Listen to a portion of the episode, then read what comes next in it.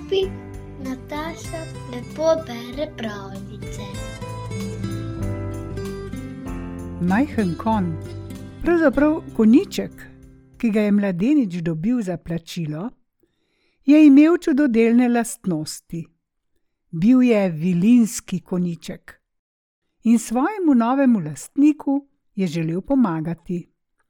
Kako se je zgodba odvijala, nam razkrije bolgarska pravljica Vilinski koniček. Nekoč je živel siromak, oče desetih sinov. Ko so sinovi odrasli, jim je oče nekega večera, ko so sedeli za mizo pri večerji, dejal: Od jutri dalje, sinovi moji, oči v roke in poiščite si dela, če hočete živeti. Najmlajši sin se je odpravil čez goro. Hodil je in hodil, dokler ni srečal starca, ki je pasel konje. Vzemi me, dedek, za hlapca, je rekel starcu. Pasel ti bom konje vse leto, tja do jeseni. Starcu je bil mladenič všeč in ga je vzel za hlapca.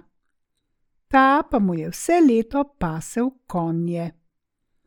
Ko je prišla jesen, ga je starec hotel izplačati, tudi mladenič mu je dejal: Nočem denarja, dedek, daj mi tistega najmanjšega konička. Starec je vzel vrv, ujel konička in mu ga dal. Mladenič se je poslovil od starca, zajahal in pognal čez planino proti domu. Koniček pa se je vzdignil v zrak, poletel in rekel: Dobro skrbi za me, mladenič, in sreča ti ne uide, kajti jaz sem vilinski koniček. Pripomorem ti do velike časti in slave. V trenutku je bil mladenič doma in že pri vratih je videl, da so se vrnili tudi njegovi bratje. Dvorišče je bilo polno najrazličnejših dragocenih tovorov. Zvečer, ko so se vsi zbrali okrog mize, pa je oče spet dejal: Od jutri, sinovi, oči v roke in poiščite si neveste. Naslednji dan, na vse zgodaj, je najmlajši sin že letel na vilinskem koničku čez planino. Tedaj je zagledal: sredi poti se je lesketala srebrna konjska potkev. Mladenič je ustavil konička in jo pobral. Prav si storil, mu je rekel koniček. Shrani potkev, prinesla ti bo veliko bogatstvo. Mladenič je poletel naprej in spet zagledal. Na poti se je svetilo pero zlate račke, okrašeno z dragocenim kamenjem. Mladenič je ustavil konička in pobral tudi pero. Dobro si storil, je rekel konič. Pero ti bo prineslo veliko čast. Mladenič je jahal dalje in videl. Na poti se je lesketala dekliška kita, spletena iz zlatih las. Mladenič se je spet ustavil in tudi njo pobral.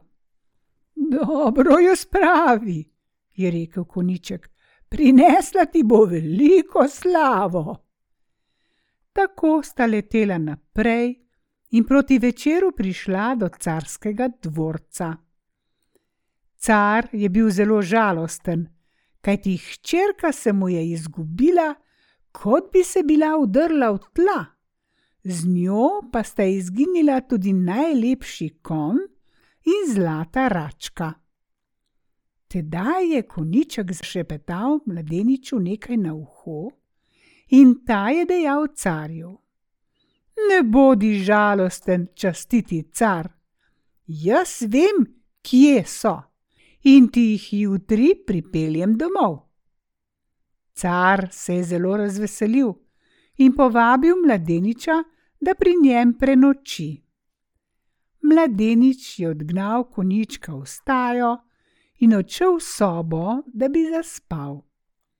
Preden je legel, je vzel iz torbe potkev, pero in kito in jih položil na polico zraven sebe. V hipu je soba zažarela v čudoviti svetlobi. Car je opazil čudežno svetlobo, pogledal skozi okno in se začudil. Prepoznal je lase svoje hčerke, zlato kopito njenega konja in pero njene zlate račke. Prepričan, da je mladenič kriv za hčerkino izginotje, je vstopil, stresel mladeniča iz spanca in mu zagrozil: Če mi jutri ne pripelješ konja, ne prineseš račke in ne privedeš deklice, ki je nosila to kito, boš ob glavo. Car je odšel, mladeniča pa je obšel smrtni strah. Ni vedel, kaj naj stori. Ni mogel več zaspati, zato je vstal in šel k koničku, da ga povpraša za svet. Nič se ne boj, mu je odgovoril koniček. Sedi name, da pojezdiva k čarovnici. Tam jih bova našla in pripeljala nazaj deklico, konja in račko. Mladenič je pognal konička, vzdignila sta se v zrak in še pred zoro sta prišla do črnega gozda in do črnega gradu, kjer je prebivala čarovnica. Grad je bil preprežen s pajčevinami in sobe so bile polne netopirjevih kril, orlih krempljev in sovjega perja. Mladenič je hodil iz sobe v sobo in iskal. Nenadoma je v neki sobici zagledal prelepo deklico, vso objokano in z verigo privezano k steni. Urno jo je odvezal, ona pa ga je odpeljala v stajo. Tu je bil k praznim jaslim z verigo privezan lep kon. Odvezal je tudi njega in posadil deklico nan. Na to je odšel k kokošnjaku. Tam je v kotu stala z verižico pripeta zlata račka. Tudi njo je odvezal in jo položil deklici v naročje.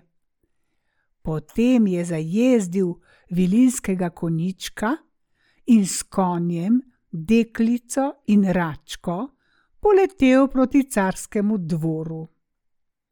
Ko se je čarovnica zbudila in videla, kaj se je zgodilo, se je razjezila. Od jeze je še bolj počrnela v obraz, oči so se ji zabliskale in lasje divje razmršili. Zajahala je metlo in odvihrala za njimi, da bi jih dohitela. Toda oni so že prešli črno mejo, dokoder je segala čarovničina oblast. Videla jih je v daljavi, a ni jim mogla ničesar več. Srečno so prileteli na carski dvor. Ko je car zagledal svojo hčer, se je na moč razveselil in ukazal, naj brž pripravijo svatbo, da bi jo omožil s princem, ki je skupaj s carjem žaloval za izgubljeno carično. Toda carična se je zaljubila v svojega rešitelja. Ni se hotela poročiti s princem, ki ga je določil oče. Milo ga je prosila, naj ji dovoli poročiti se z mladeničem. Toda oče je bil trden. Obljubil je hčerko princu iz sosednje dežele in besedo je hotel držati. Tedaj je deklica prebledela in se spremenila v marmornat kip. Carju se je skoraj zmešalo od groze. Zaprosil je mladeniča. Tuji mladenič, prosim te, stori, če moreš, da bo carična živa kot prej.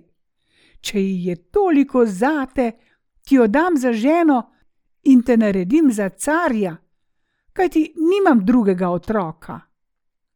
Po teh besedah je zagrmelo, se zabliskalo in carična je spet oživela. Prijela je mladeniča za roko in pokleknila pred carja, da ju blagoslovi. Potem so se v carskem gradu zbrali številni dvorjani, prišel je tudi mladeničev oče in njegovih devet bratov, in napravili so veliko svatbo. Car je mladeniču odstopil prestol in žezlo, in tako je mladenič postal car njegovega carstva.